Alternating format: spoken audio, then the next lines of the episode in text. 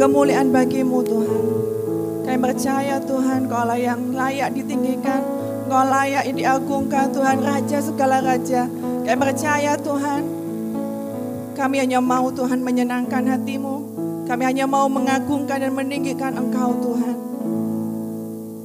Sebab kami bukanlah siapa-siapa Tuhan, kami semua adalah milikmu Tuhan. Kami semua adalah kepunyaanmu, kesayanganmu Tuhan. Dan kami rindu Tuhan menjadi anak-anak yang menjadi kebanggaanmu Tuhan. Anak-anak yang menyenangkan hatimu, yang mengerti setiap isi hatimu Tuhan. Terima kasih Bapak. Tidak kami akan mendengarkan firman-Mu Tuhan. Biarkan Engkau yang berbicara pada setiap roh kami, pada setiap hati kami Tuhan. Bukan hanya kami mendengarkan Tuhan, tapi kami menjadi pelaku-pelaku firman-Mu yang kami akan berubah Tuhan. Kami akan berubah menjadi serupa seperti Engkau. Terima kasih Tuhan. Kami siap mendengarkan firman-Mu di dalam nama Tuhan Yesus Kristus yang berdoa. Yang percaya kita katakan amin. Silakan duduk saudara. Ya, kita rindu menjadi seorang pahlawan Tuhan, saudara. Dan saya percaya kita semua di tempat ini dipilih Tuhan untuk menjadi pahlawan-pahlawan Tuhan yang luar biasa. Dan kita harus sadar bagaimana menjadi seorang pahlawan Tuhan. Tuhan merindukan kita menjadi seseorang yang memenuhi karakter seorang pahlawan, saudara. Seorang pahlawan bukan sekedar kita tiba-tiba dipanggil menjadi pahlawan, Tiba-tiba dijuluki seorang pahlawan. Ada sesuatu yang dia kerjakan, ada sesuatu yang dia perjuangkan sehingga dia dinobatkan sebagai seorang pahlawan, Saudara. Ketika saya membaca firman Tuhan, kita memberikan contoh seorang pahlawan Tuhan di dalam Alkitab yaitu Daud, Saudara. Hari ini kita akan belajar karakter Daud, bagaimana Daud begitu disayang oleh Tuhan, bahkan kerajaannya dikokohkan sampai selama-lamanya, Saudara. Ini janji Tuhan yang luar biasa untuk seorang Daud, saudara. Daud adalah seorang pahlawan Tuhan. Kenapa dia disebut pahlawan Tuhan? Karena saya percaya dalam perjalanan hidupnya, dia begitu menyentuh hati Tuhan, saudara. Kita mau lihat apa syarat-syarat atau kriteria seorang pahlawan Tuhan. Kita akan lihat yang pertama saudara dalam kitab 1 Samuel 16 ayat yang ke-7. Syarat yang pertama yang sangat penting saudara, kriteria yang pertama seorang menjadi pahlawan Tuhan.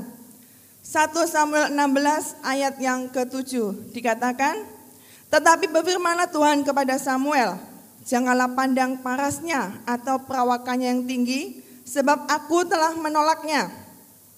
Bukan yang dilihat manusia yang dilihat Allah, manusia melihat apa yang di depan mata, tetapi Tuhan melihat hati. Saudara, saya percaya bahwa pemilihan seorang pahlawan Tuhan tidak dilihat dari parasnya, tidak dilihat dari orang itu tinggi besar. Maka dia dikatakan, oh ini orang yang luar biasa yang pintar berperang, yang jago berperang karena perawakannya yang tinggi, yang cantik, yang ganteng, gitu ya. Tetapi Tuhan melihat segala sesuatu dari hati, saudara. Kalau kita lihat dalam firman Tuhan, pemilihan raja Saul dan Raja Daud itu berbeda, saudara. Pemilihan Raja Saul itu dipilih dengan undian. Ketika waktu itu Israel berseru-seru, aku minta seorang raja, aku minta seorang raja. Dan Saul dipilih, memang dipilih Tuhan, tetapi dengan cara undian, saudara. Tetapi Daud dipilih Tuhan karena Tuhan melihat hatinya. Tuhan melihat hatinya yang luar biasa. Saya percaya waktu itu mungkin Daud belum banyak melakukan belum melakukan banyak hal, Saudara. Dan tidak kelihatan bahwa Daud ini adalah seorang yang luar biasa. Mungkin dia masih muda, masih lucu-lucunya anak mungkin, masih remaja, tetapi Tuhan melihat jauh di kedalaman hatinya bahwa dia sanggup menjadi seorang raja yang luar biasa. Saudara, berapa banyak di antara kita yang saya percaya bahwa Tuhan sudah memilih kita. Bahkan sejak dalam kandungan, bahkan ketika engkau bertumbuh menjadi seorang remaja, menjadi seorang pemuda, engkau tidak sadar bahwa sebenarnya Tuhan sudah memilih kita, saudara. Yang nantinya engkau akan menjadi seorang pahlawan yang luar biasa. Karena Tuhan melihat hati kita. Mungkin secara manusia kita merasa minder. Kita merasa, Tuhan aku nggak bisa apa-apa, aku nggak mampu melakukan banyak hal. tetapi Tuhan melihat hati kita. Tuhan melihat jauh di kedalaman hati kita bahwa Tuhan melihat sesuatu benih yang baik di dalam hati kita, saudara. Berbicara mengenai hati, saudara. Hati itu adalah sesuatu yang tersembunyi. Hati itu, kalau orang bilang, hati orang siapa yang tahu? Kadang mukanya berbicara baik-baik saja, dari luarnya kelihatannya oke-oke aja, tetapi di dalam hatinya ternyata menyimpan sejuta makna ya. Nah, ini mulai puitis Saudara ya. Nah, Saudara, hati orang siapa yang tahu? Tetapi Tuhan tahu jauh kedalaman hati kita. Tuhan merindukan hati-hati yang bersih, hati-hati yang murni, hati-hati yang jauh dari kejahatan, hati yang mau dibentuk. Hati-hati Saudara, jika ternyata kita memiliki benih hati yang keras, Jangan sampai kita memiliki hati yang bebal, saudara. Seorang yang memiliki hati yang keras, seperti Firaun, akhirnya hatinya semakin dikeraskan karena dia tidak pernah mau dibentuk oleh Tuhan. Karena dia nggak pernah mau bertobat, akhirnya Tuhan semakin mengeraskan hatinya dan dia tidak pernah bisa mendapatkan keselamatan. Saudara, termasuk tipe hati kita seperti apa, saudara?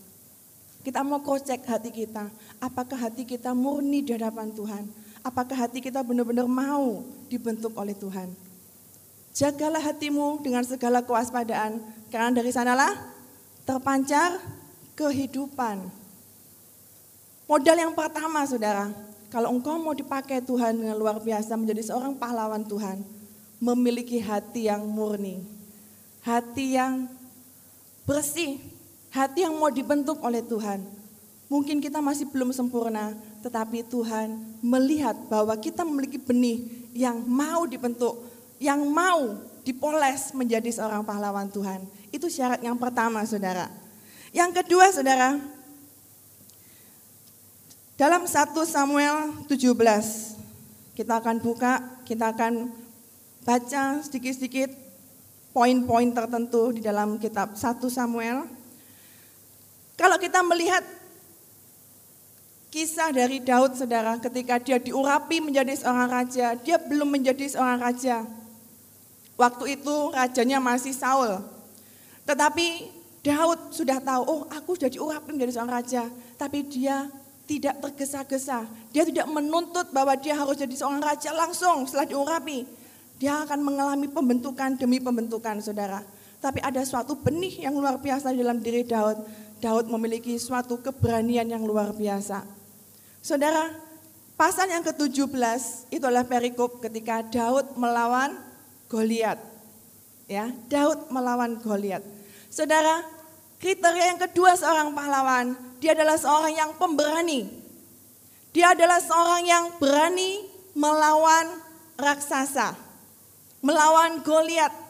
Orang yang berani berperang, banyak orang saudara yang pengen jadi seorang pahlawan tetapi tidak pernah mau maju berperang. Saya percaya bahwa ketika kita duduk santai-santai di sini, tidak ada seorang pun yang akan menganggap kita seorang pahlawan, saudara. Orang yang diam di rumah aja, yang tidak melakukan apa-apa, dia bukanlah seorang pahlawan. Tapi seorang pahlawan adalah seorang yang mau berperang, yang mau berjuang, melawan Goliat, melawan raksasa dalam kehidupannya, Mungkin raksasa itu berbicara banyak hal, saudara. Raksasa bisa bicara raksasa peperangan di luar dari diri kita, saudara. Misalnya kita berperang melawan masalah-masalah kita. Mungkin masalah-masalah keuangan dalam keluarga, masalah-masalah keluarga, masalah pekerjaan, masalah studi. Banyak sekali peperangan yang harus kita alami setiap hari. Dan saya percaya raksasa yang paling besar dalam hidup kita itu adalah melawan diri kita sendiri. Betul? Musuh yang terbesar adalah diri kita sendiri, saudara. Jangan pernah menyalahkan keadaan. Jangan pernah menyalahkan orang lain. Karena respon kitalah yang menentukan apakah kita menjadi seorang pemenang atau tidak. Kejadian yang sama dengan respon yang berbeda akan menimbulkan hasil yang berbeda. Setiap kita memiliki respon yang berbeda saudara dalam setiap keadaan. Karena itu peperangan kita itu adalah peperangan melawan diri kita sendiri. Dan yang terbesar biasanya peperangan terjadi dalam pikiran kita. Seringkali pikiran kita ini membuat suatu cerita sendiri, membuat suatu kekhawatiran, ketakutan sendiri saudara. Peperangan-peperangan raksasa yang mungkin terjadi adalah melawan ketakutan-ketakutan kita. Banyak orang yang mungkin raksasanya adalah selalu takut gagal, selalu takut menghadapi masalah, selalu gelisah, selalu tidak pernah yang merasa aman, saudara. Penuh dengan ketakutan.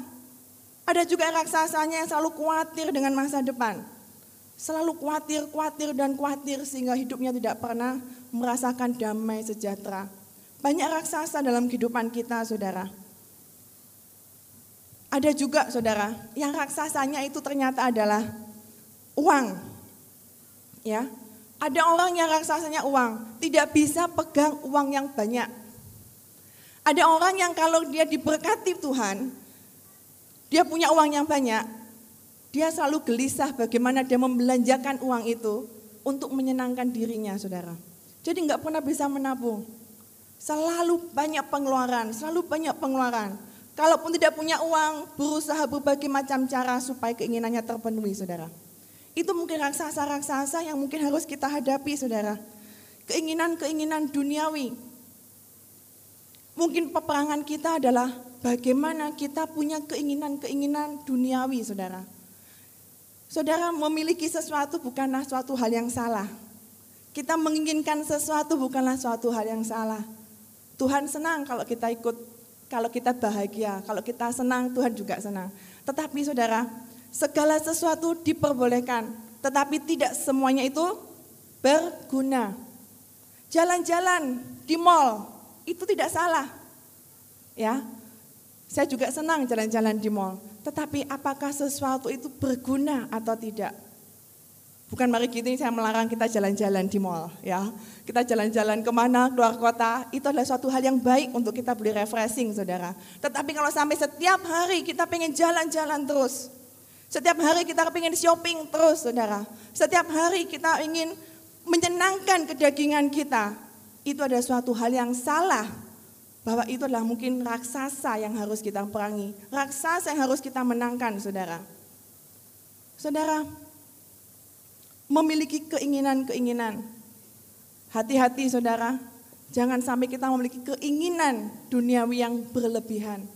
Sehingga saya percaya ketika kita tidak bisa mengalahkan keinginan itu, tidak bisa mengalahkan raksasa-raksasa itu, maka itu akan membawa kita semakin jauh dari Tuhan.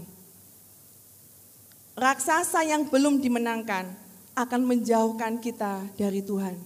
Ingat itu saudara. Ketika kita belum bisa memenangkan raksasa kita, kita nggak akan pernah bisa memperoleh hubungan yang dekat dengan Tuhan. Karena setiap ketakutan, setiap keinginan ambisi-ambisi kita, itu akan menjauhkan kita dari hadirat Tuhan.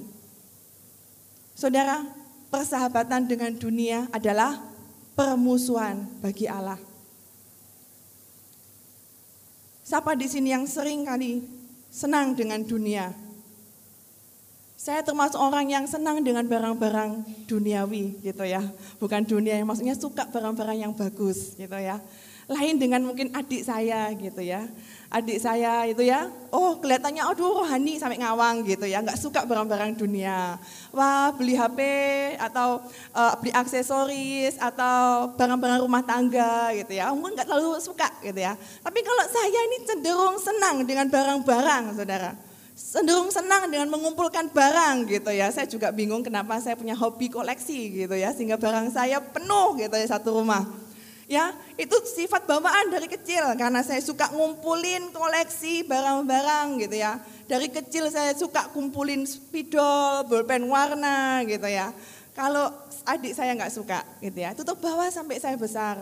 Saya suka sekali dengan barang-barang, apalagi yang bagus-bagus gitu ya. Kalau saya pilih pasti pilih barang yang bagus, kalau nggak bagus itu takut jelek, nanti takut cepat rusak gitu ya. Tapi saudara saya diingatkan bahwa belajar untuk mengalahkan keinginan-keinginan gitu ya. Kalau minggu lalu adik saya cerita dia kepengen beli HP gitu ya, pengen beli HP. Saya juga kepengen beli HP gitu ya. HP saya sudah uh, dianggap mungkin kuno, walaupun tidak kuno-kuno banget, masih Android. Tetapi saya nggak bisa menggunakan aplikasi apa pun di Android itu, gitu ya.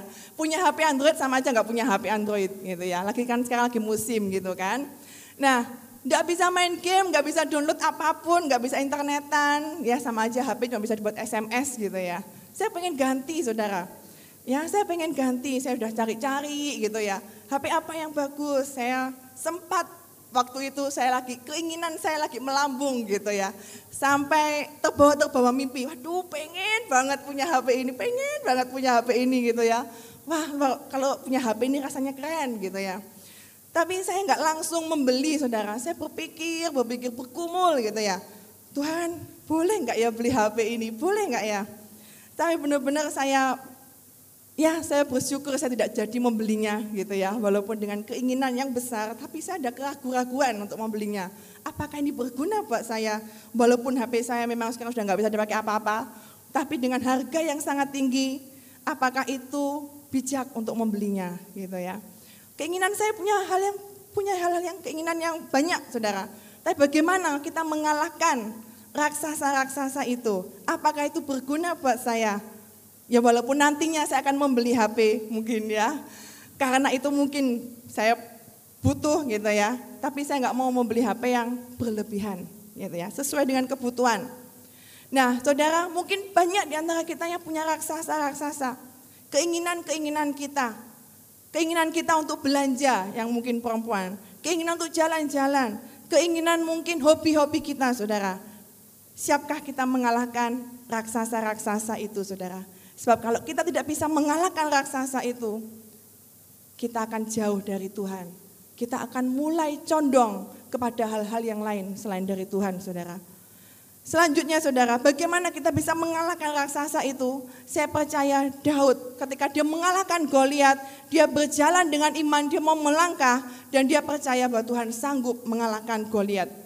Pasal 17 ayat yang ke-45 saudara dikatakan, tetapi Daud berkata kepada orang Filistin itu, engkau mendatangi aku dengan pedang dan tombak dan lembing, tetapi aku mendatangi engkau dengan nama Tuhan semesta alam, Allah segala barisan Israel yang kau tantang itu. Saudara, Daud berdiri atas nama Tuhan bahwa dia percaya bahwa dia sanggup mengalahkan raksasa itu. Saudara, mungkin kita punya raksasa, dosa-dosa, mungkin kelemahan-kelemahan kita yang sering stronghold jatuh bangun dalam dosa yang sama. Bagaimana kita bisa mengalahkannya? Berdiri dalam nama Tuhan, percaya bahwa Tuhan sanggup membantu kita untuk mengalahkan setiap raksasa kita. Amin.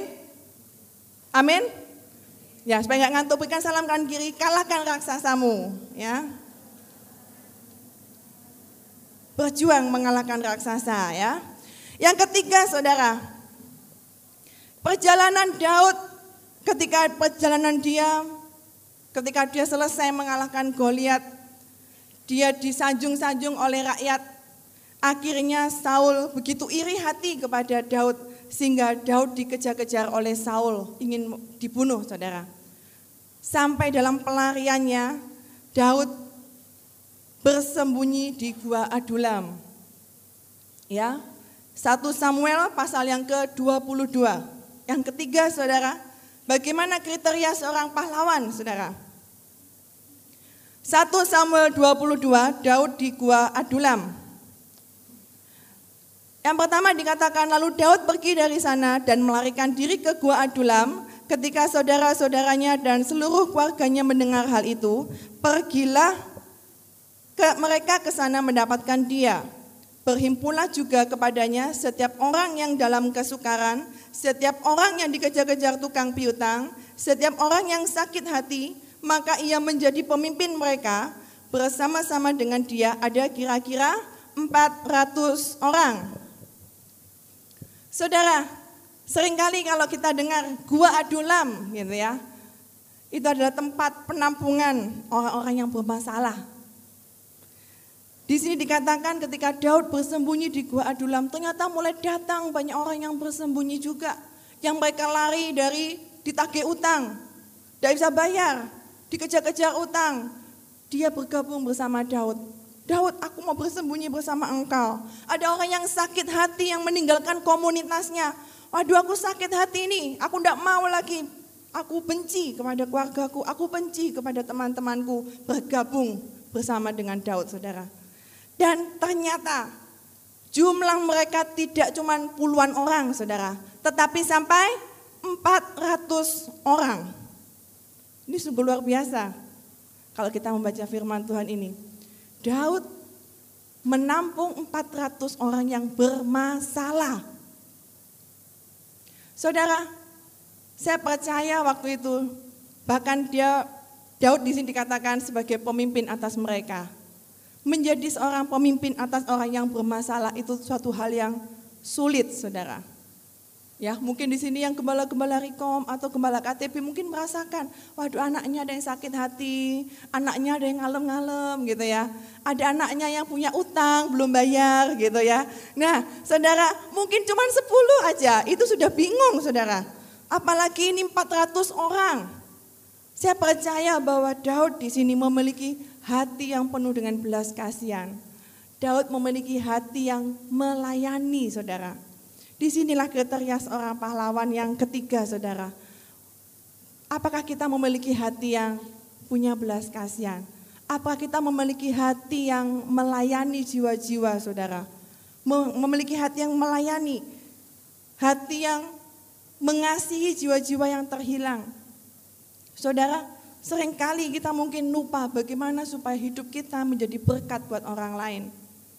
Ketika mungkin orang datang punya masalah, apakah reaksi kita pengen membantu mereka dalam menyelesaikan masalah atau malah kita lari supaya nggak kena masalah saudara.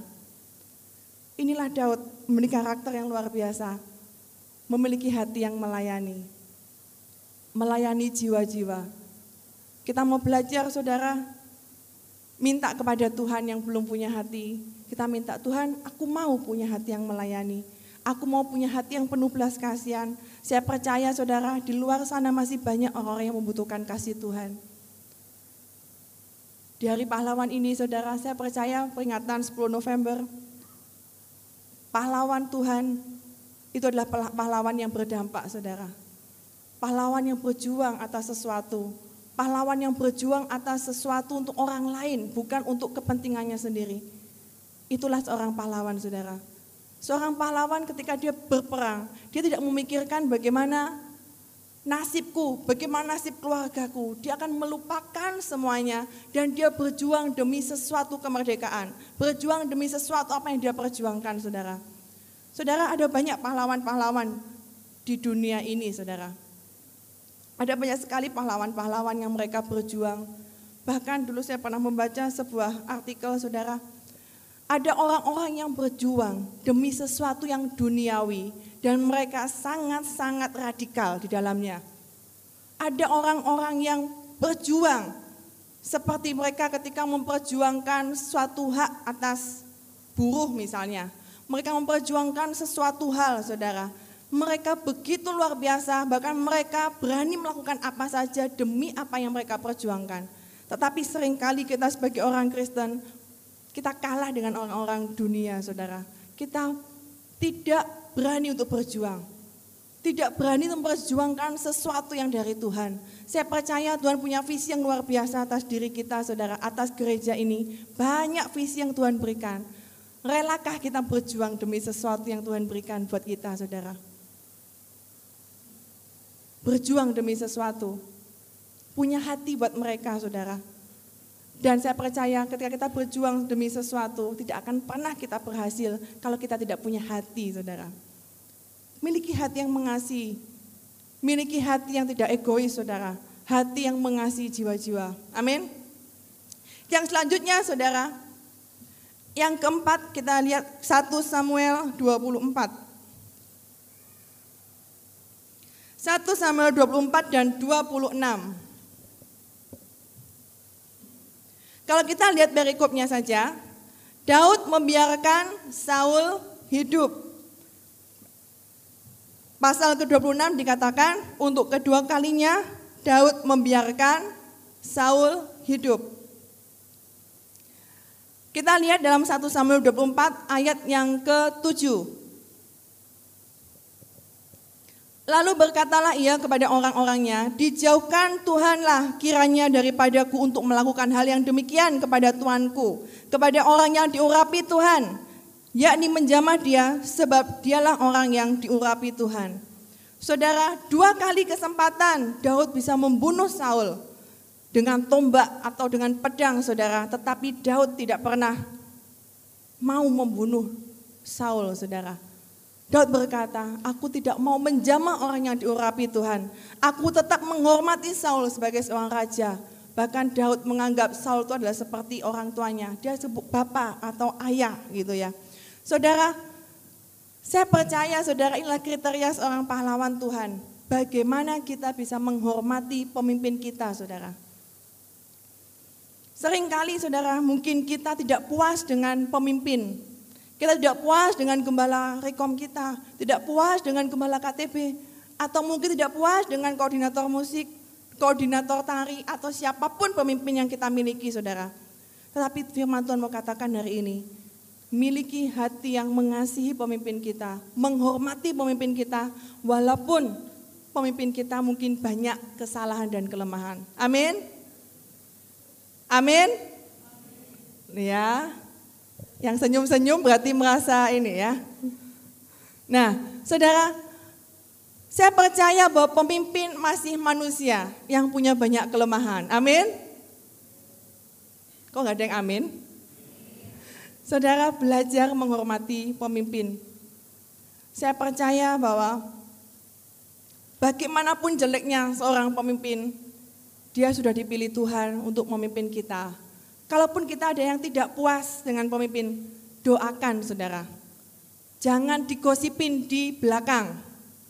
Ya, Weh itu koordinator tari, siapa koordinator tarinya? Saya nggak tahu. Itu kalau di tarian aja dia narinya luar biasa, penuh hadirat Tuhan. Tetapi kalau di luar gitu ya, wah nggak karu-karuan gitu. Disimpan aja dalam hati saudara. Didoakan. Amin. Kita doakan. Jangan sampai kita bergosip di belakang, kita menjelek-jelekan. Bahkan kalau sampai paling parah kita memfitnah pemimpin kita, saudara. Hati-hati saudara dengan dosa kita sering kali kita terjebak dalam dosa ini, saudara. Kriteria seorang pahlawan, dia mau menghargai pemimpinnya, Walaupun mungkin pemimpinnya salah, saya percaya tidak ada satu orang pun pemimpin yang sempurna. Tidak ada satu pun gereja yang sempurna. Gereja ini pun pasti punya banyak kelemahan saudara. Dan ketika kita mencari di dunia ini, tidak ada satu pun gereja yang sempurna. Jadi jangan pernah kita juga menjelek-jelekkan bergosip tentang gereja orang lain. Ya, waduh gereja itu kegerakannya kok gini-gini gini. Ngapain itu melakukan kayak gini-gini? Saudara, Tiap gereja punya bagian masing-masing. Kita tidak perlu menghakimi kegerakan orang lain. Kita tidak perlu menghakimi pemimpin-pemimpin, bahkan di gereja-gereja lain pun, saudara. Biarkan Tuhan yang berurusan dengan mereka. Biarkan Tuhan sendiri yang membentuk mereka, saudara. Amin. Belajar menghormati pemimpin. Daud begitu mengerti bagaimana dia menghormati seorang raja, pemimpin bagi dia.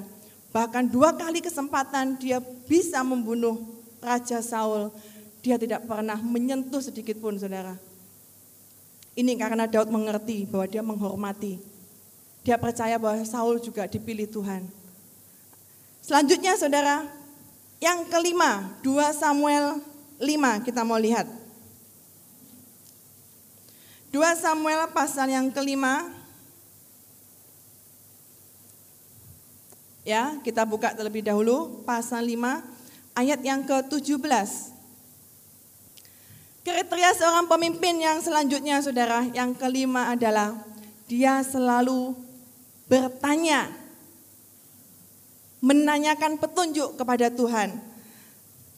2 Samuel 5 ayat yang ke-17 dikatakan, kita kalau lihat, ketika didengar orang Filistin bahwa Daud telah diurapi menjadi raja atas Israel, maka majulah semua orang Filistin untuk menangkap Daud.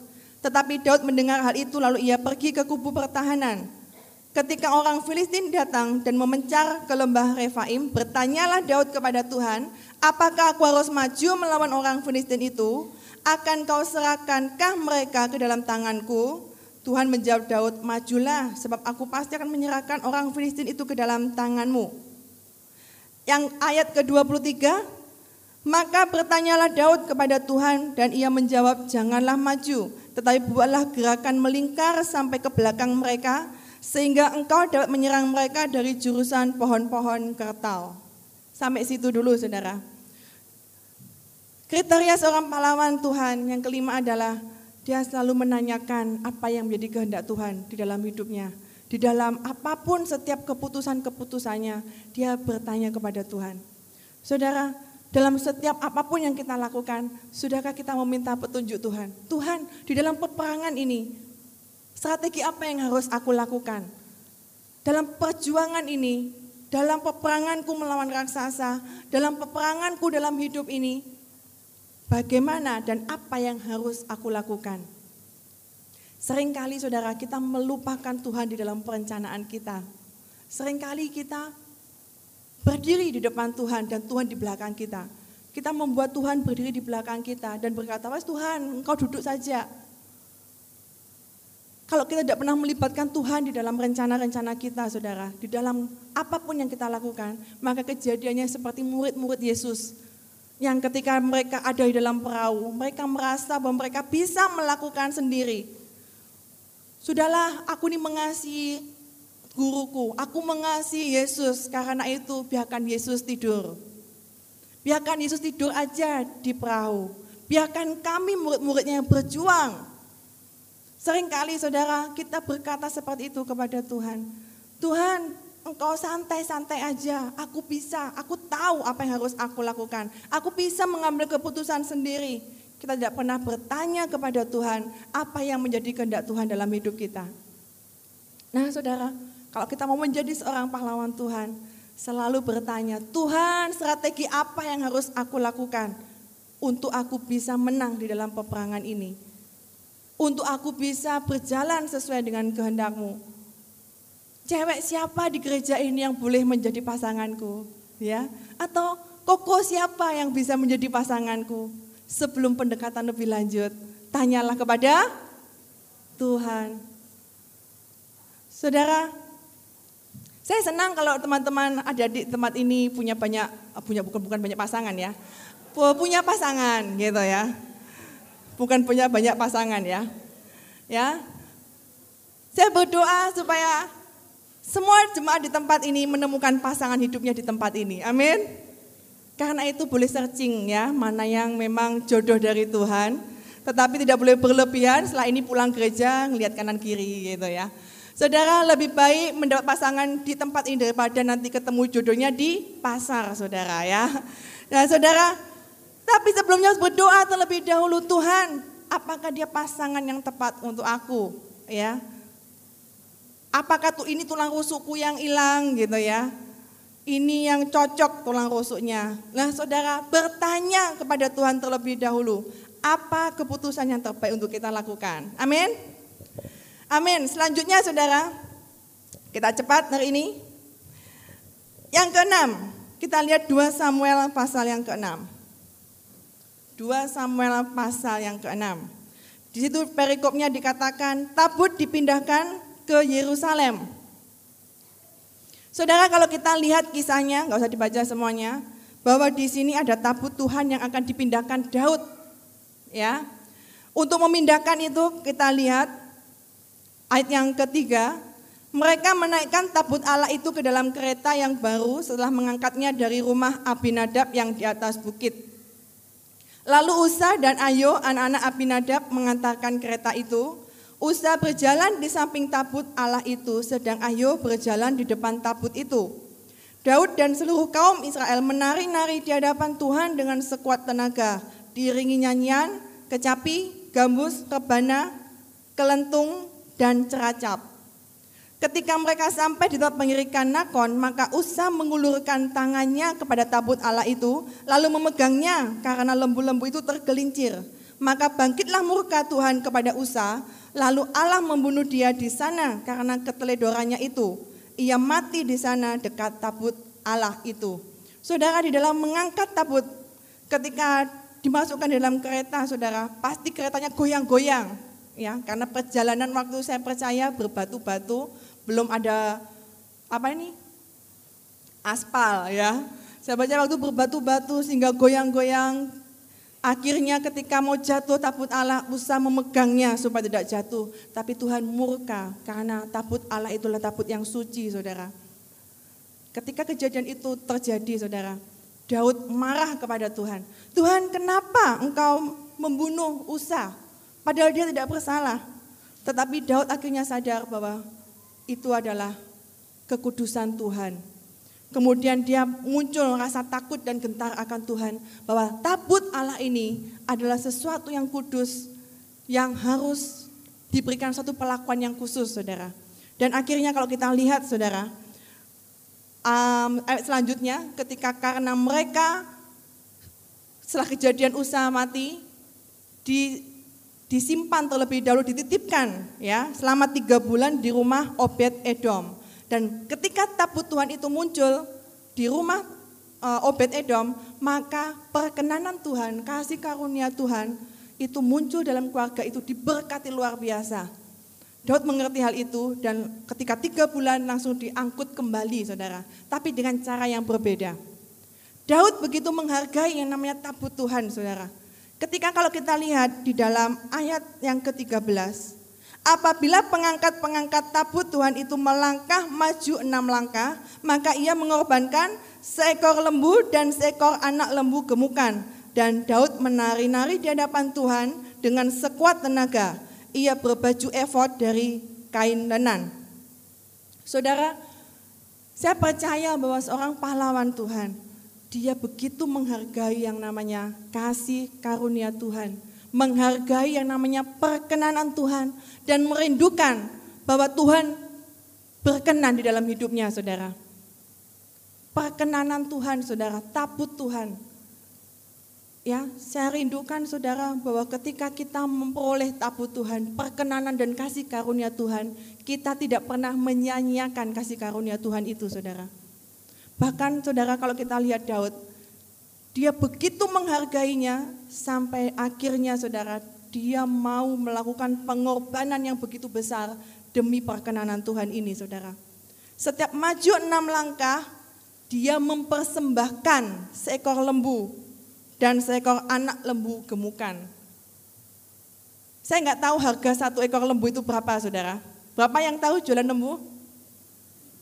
Yang pernah jualan lembu, yang pernah beli lembu atau sapi? Ada yang tahu? Berapa juta? Berapa? Gak ada yang tahu? Gak pernah beli sapi? Hah? Sekitar 10 juta. Oh, 10 juta ya, satu ekor. Karena itu kalau kita beli daging sapi mahal ya. Nah, saudara, ketika maju enam langkah, saya percaya dari sana kiri ke kanan aja sudah berapa langkah saudara. Setiap maju enam langkah, berhenti. Tabutnya itu digotong oleh empat orang, ya tabut berjalan. Setiap maju enam langkah, Daud melakukan ritual, ya mempersembahkan dua ekor lembu, satu yang dewasa, satu yang anak, tapi yang gemuk, ya seekor lembu gemukan, ya saya nggak tahu maksudnya, mungkin itu adalah seekor anak lembu tapi yang gemuk, gitu ya. Setiap enam langkah dia mempersembahkan mungkin sekitar 15 juta, saudara. Ya, seekor anak mungkin 5 sampai 7 juta, saya nggak tahu. Setiap enam langkah dan saya percaya perjalanannya itu tidaklah pendek. Perjalanan dari rumah Obed Edom sampai ke istana Daud itu cukup panjang, saudara. Demikian besar ya hati Daud menghormati tabut perjanjian Tuhan, tabut Tuhan, perkenanan Tuhan. Bagaimana saudara respon kita dalam menghargai perkenanan Tuhan dalam hidup kita saudara? Mungkin di dalam tiap pribadi kita Tuhan memiliki kasih karunia yang berbeda-beda. Tuhan mengasihi kita dengan cara yang berbeda-beda, saudara. Bagaimana kita menghargai kasih karunia Tuhan? Apakah kita menyanyiakan kasih karunia Tuhan dengan kita buat dosa seenaknya sendiri, Tuhan? Kemudian kita melakukan hal-hal yang tidak Tuhan inginkan. Bagaimana kita menghargai kasih Tuhan, saudara? Seperti Daud, dia begitu menghargai. Bahkan waktu itu, saudara, untuk mengangkat tabut Tuhan yang pertama, dia membawa 30 ribu orang untuk mengangkut tabut Tuhan yang pertama. Dia membuat suatu pasukan khusus untuk membuat tabut Tuhan. Nah saudara, saya percaya Tuhan memberi kasih karunia yang sungguh besar dalam hidup kita. Untuk gereja kita saudara, Tuhan rindu melakukan suatu hal yang luar biasa. Terhadap visi-visi yang Tuhan berikan buat kita. Bagaimana kita menghargai tabut Tuhan saudara. Kita mau menghargai tabut Tuhan yang Tuhan berikan. Perkenanan Tuhan dengan menjaganya dengan sekuat tenaga saudara. Jangan sampai hidup kita tidak berkenan di hadapan Tuhan. Saudara, Tuhan melihat hati kita seperti ini. Apakah hatimu sungguh-sungguh rindu untuk engkau mau berkenan di hadapan Tuhan? Apakah engkau hanya sekedar jadi orang Kristen yang biasa datang ke gereja seminggu sekali, engkau ikut rekom, tetapi hidupmu tidak pernah ada suatu hati yang bergelora di dalam Tuhan. Saudara, Tuhan rindu kita memiliki hati yang punya semangat yang luar biasa yang mengasihi Tuhan. Itu kuncinya saudara. Hati yang mengasihi Tuhan, hati yang mau ditegur saudara, hati yang mau bertobat. Yang selanjutnya saudara 2 Samuel pasal yang ke-11. Pasal yang ke-11 Kisah ketika Daud jatuh di dalam dosa, ketika dia jatuh dalam dosa bersama dengan Bathsheba, berzinah saudara. Saya percaya bahwa Daud begitu menyesal. Mungkin di dalam kitab 2 Samuel tidak terlalu ditekankan bagaimana dia menyesalnya seperti apa, reaksinya seperti apa, mungkin tidak diberitakan saudara. Tetapi kalau kita lihat dalam kitab Mazmur 51, kita akan buka Mazmur 51 Di situ Daud menulis bagaimana dia pengakuan dosa. Saudara, ketika kita bertobat atau kita mengaku dosa, ada banyak hal reaksi yang kita lakukan. Bahkan mungkin ketika kita minta maaf kepada teman kita, ada banyak tipe permintaan maaf. Ada yang mungkin minta maaf karena terpaksa. Waduh, aku nggak minta maaf, nanti gimana ya? Kan tidak enak sama teman-teman gitu ya. Tapi sebenarnya hati kita tidak minta maaf yang sesungguhnya. Minta maaf tapi benar-benar cuma di mulut tok, tidak benar-benar dari hati yang menyesal. Demikian juga ketika kita di hadapan Tuhan, ketika kita bertobat di hadapan Tuhan, kita mau berubah, kita minta maaf ataukah sekedar rutinitas kita berdoa Tuhan ampunilah Tuhan segala dosa-dosaku tapi kita nggak pernah punya hati yang hancur untuk minta maaf minta uh, minta ampun di hadapan Tuhan kita lihat dalam Mazmur 51, pengakuan dosa untuk pemimpin biduan Mazmur dari Daud ketika Nabi Nathan datang kepadanya setelah ia menghampiri Bathsheba. Kita akan baca bergantian pasal 3 eh, ayat 3 sampai ke 19. Saya baca terlebih dahulu. Kasihanilah aku ya Allah menurut kasih setiamu, hapuskanlah pelanggaranku menurut rahmatmu yang besar. Empat,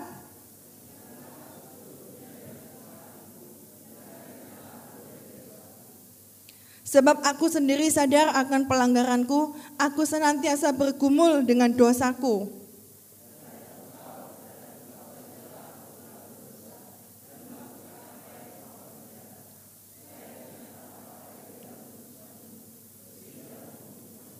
Sesungguhnya dalam kesalahan aku diperanakkan, dalam dosa aku dikandung ibuku.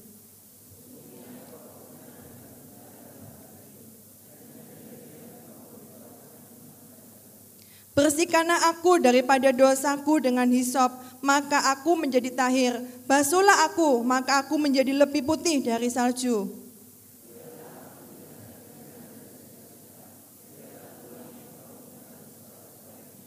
Sembunyikanlah wajahmu terhadap dosaku, hapuskanlah segala kesalahanku.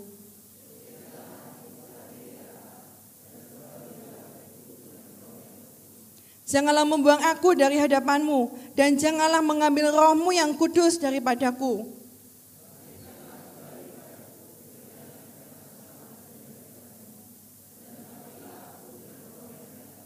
Maka aku akan mengajarkan jalanmu kepada orang-orang yang melakukan pelanggaran, supaya orang-orang berdosa berbalik kepadamu.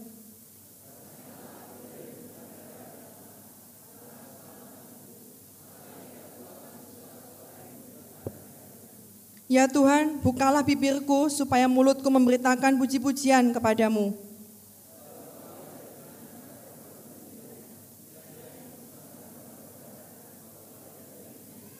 Korban sembelian kepada Allah ialah jiwa yang hancur, hati yang patah dan remuk tidak akan kau pandang hina ya Allah. Amin. Saudara, ketika Daud berbuat dosa, saudara, apa yang menjadi reaksi Daud? Dia begitu menyesal dengan sangat, saudara. Bahwa dia begitu menyesal, dia sadar atas pelanggaran, dia bergumul dengan dosa-dosanya. Dan saya percaya ketika Daud menulis ayat-ayat ini, dia dalam kondisi yang sangat-sangat terpuruk. Dia sangat-sangat menyesal sampai dia berkata, Tuhan sembunyikan wajahmu terhadap dosaku, hapuskanlah segala kesalahanku. Dia menyesal sampai dia mungkin merasa tidak layak di hadapan Tuhan. Sampai dia benar-benar hancur ya. Saya tidak bisa mendeskripsikan bagaimana dia menyesalnya saudara. Tapi saya percaya ketika Daud ketika dia jatuh dalam dosa, dia tidak sekedar cuma Tuhan ampuni aku, aku salah. Tidak seperti reaksi Saul, saudara. Kalau kita lihat ketika Saul dia melanggar Tuhan, dia sambil lalu dia minta ampun kepada Tuhan. Itu pun sambil pembelaan dirinya yang besar. Loh Tuhan, aku kan seperti ini karena rakyat ini, ini, ini. Dia banyak alasan. Ketika dia ditegur oleh seorang nabi, dia banyak alasan. Dia minta maaf, ya aku salah, aku minta maaf, aku salah, tetapi banyak alasan dan dia tidak benar-benar menyesal atas kesalahannya. Inilah yang disukai Tuhan atas hati Daud, saudara. Hati yang benar-benar mengasihi Tuhan. Dia merasa, dia sungguh-sungguh jelek. Dia bahkan merasa benar-benar hancur di hadapan Tuhan. Sampai dia berkata, Jadikanlah hatiku tahir ya Allah, perbaharuilah batinku dengan roh yang teguh Janganlah membuang aku dari hadapanmu dan janganlah mengambil rohmu yang kudus daripadaku. Ini ayat yang sungguh luar biasa. Sampai Daud berkata, Tuhan jangan sampai engkau jauh dari aku. Jangan sampai engkau mengambil rohmu yang kudus dari aku. Saudara ketika kita berbuat dosa, bagaimana reaksi kita saudara? Apa kita benar-benar merasa menyesal?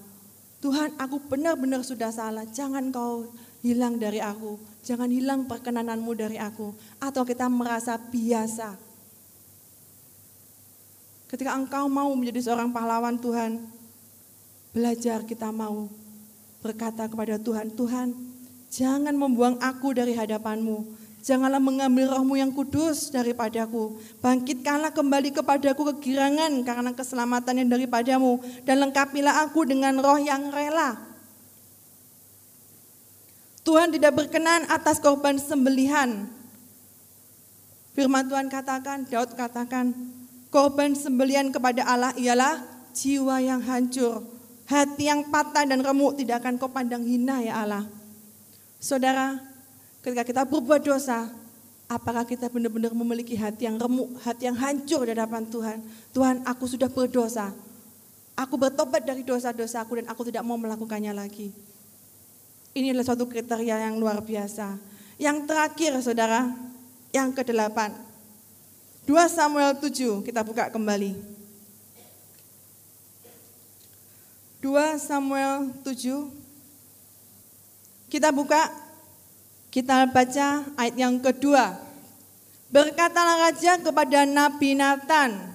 Raja Daud berkata kepada Nabi Nathan, Lihatlah aku ini diam dalam rumah dari kayu aras. Padahal tabut Allah diam di bawah tenda.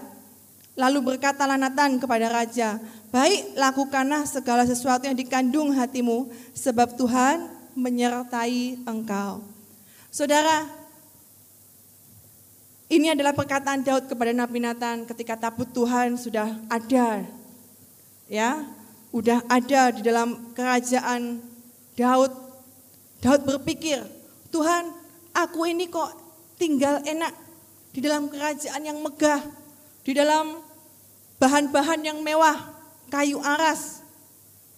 Saya belum sempat menyelidiki kayu aras itu seperti apa, ya, mungkin harganya sangat mahal. Tapi dia berkata, sedangkan tabut Tuhan yang melambangkan hadirat Tuhan, yang melambangkan Tuhan bertata, kok diam di bawah tenda. Aku ingin membangunkan sebuah istana yang megah untuk tabut Tuhan. Saudara, Daud memiliki hati yang luar biasa bagaimana dia mengasihi Tuhan. Ini yang membuat Tuhan begitu terpesona dengan Daud. Yang begitu membuat Daud sangat dikasih oleh Tuhan. Dia memiliki hati yang mencintai Tuhan, yang menghargai Tuhan, menghargai perkenanan Tuhan, bahkan dia rela, Tuhan, aku ini kok tinggal di istana yang bagus, aku ingin berikan yang terbaik buat engkau.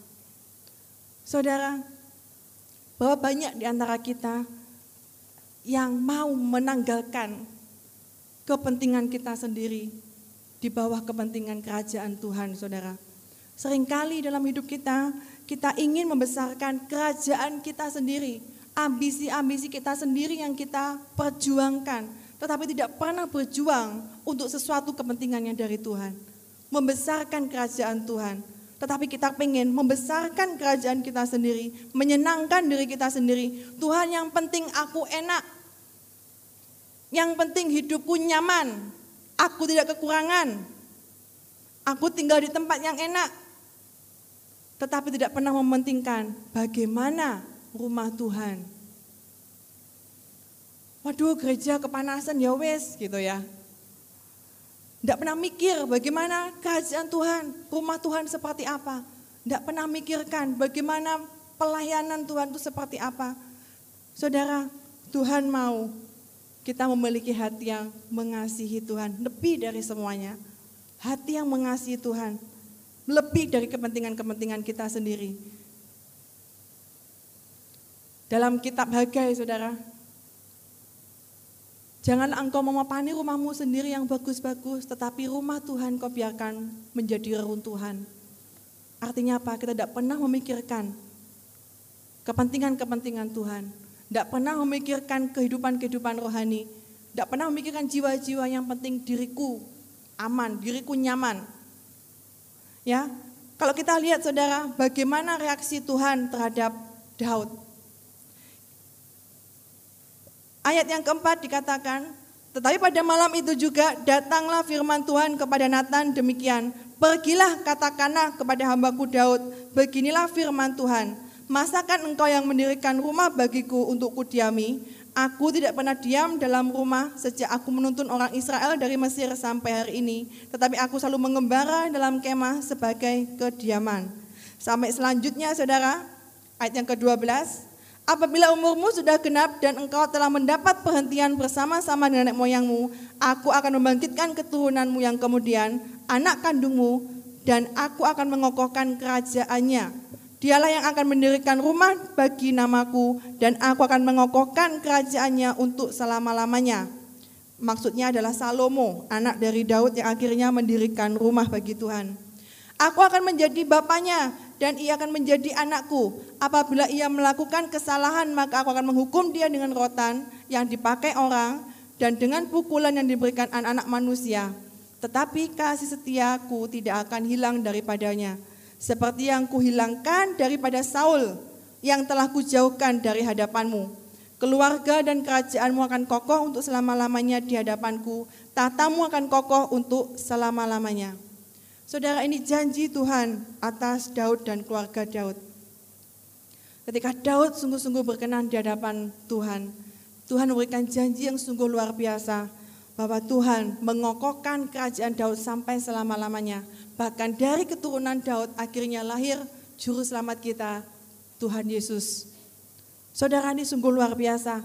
Bagaimana kita bisa menyentuh hati Tuhan sehingga Tuhan pakai kita menjadi seorang pahlawan-pahlawan yang luar biasa. Kita mau belajar saudara. Yang pertama, Tuhan melihat hati kita. Maukah hati kita dibentuk oleh Tuhan? Hati yang murni, hati yang bersih. Yang kedua, kita mau berperang melawan setiap Goliat raksasa dalam kehidupan kita. Yang ketiga, kita memiliki hati yang melayani jiwa-jiwa. Belas kasihan. Yang keempat, menghormati pemimpin atau orang yang diurapi Tuhan. Yang kelima, saudara, selalu menanyakan kehendak Tuhan dalam hidup kita. Yang keenam, menghargai perkenanan Tuhan. Yang ketujuh, memiliki hati yang remuk untuk bertobat di hadapan Tuhan. Dan yang terakhir, bagaimana hati kita sungguh-sungguh mengasihi Tuhan lebih dari semuanya. Amin. Kita mau berdoa sama-sama. Terima kasih Tuhan, Kau Allah yang sungguh luar biasa Tuhan. Engkau sudah menyampaikan Tuhan apa yang Kau rindukan pada setiap kami. Kami rindu Tuhan menjadi orang-orang yang kau kasihi, orang-orang yang kau pilih Tuhan. Menjadi pahlawan-pahlawan kebanggaanmu Tuhan. Pahlawan yang bukan sekedar kami maju berperang dan kami kalah Tuhan. Tapi kami mau tampil menjadi seorang pemenang ya Bapak. Mari Tuhan kau bangkitkan setiap kami. Bangkitkan setiap roh kami Tuhan Ampuni setiap kami Tuhan. Kami punya banyak sekali kelemahan. Tapi biarkan Tuhan, kami mau berdiri di hadapan-Mu. Dan kami mau berkata, Tuhan, ampuni setiap dosa-dosa kami. Kami adalah manusia tidak layak di hadapan-Mu. Tapi Engkau mengasihi setiap kami. Yeremia 31 ayat yang ketiga dikatakan, Aku mengasihi engkau dengan kasih yang kekal. Sebab itu aku melanjutkan kasih setiaku kepadamu. Saudara Tuhan mengasihi kita dengan kasihnya yang kekal. Tuhan sangat-sangat mengasihi kita. Tuhan mau menunjukkan kasih karunia-Nya, perkenanan yang besar dalam setiap kita. Tapi berapa banyak di antara kita yang menghargai kasih karunia Tuhan. Seringkali kita menginjak-injak kasih karunia Tuhan dengan kita berbuat dosa semau kita, dengan kita mencintai dunia ini, dengan kita mengubah setiap keinginan-keinginan kita. Kita tidak pernah mengingat bagaimana kita mau menyenangkan hati Tuhan. Kita tidak pernah mau mengingat bagaimana Tuhan disenangkan dengan segala pengorbanan, dengan segala perjuangan yang kita berikan. Saudara hari ini Tuhan rindu kita menyerahkan hati kita di hadapannya. Tuhan rindu kita mempersembahkan hati kita yang murni di hadapannya. Komitmen yang baru di hadapannya. Komitmen yang baru untuk mencintainya kembali. Mungkin sudah lama kita jauh dari Tuhan. Kita meninggalkan Tuhan dengan setiap kesenangan-kesenangan kita. Meninggalkan Tuhan dengan segala kenyamanan-kenyamanan kita. Tapi hari ini Tuhan mau berkata, aku mengasihi engkau dengan kasih yang kekal. Dan aku akan selalu mengasihi engkau. Aku akan selalu mengasihi engkau. Apakah engkau mengasihi aku? Apakah engkau mengasihi Tuhan? Apakah hatimu bergelora untuk Tuhan?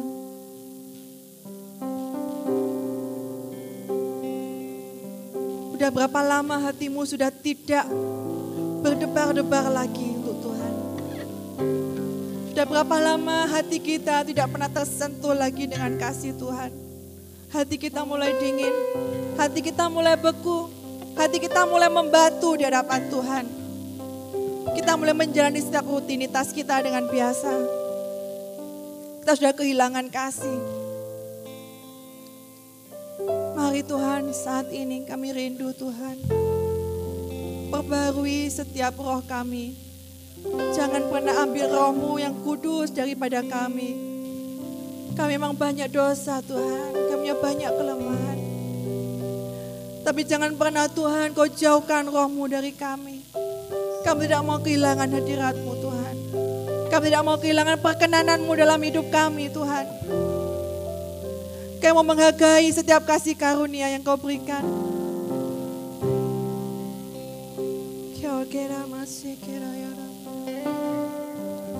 Mari kita berdoa secara pribadi di, di hadapan Tuhan. Kita mau renungkan apa yang kita alami hari-hari ini. Sudahkah kita sungguh-sungguh mencintai Tuhan? Sudahkah kita sungguh-sungguh menyentuh hati Tuhan?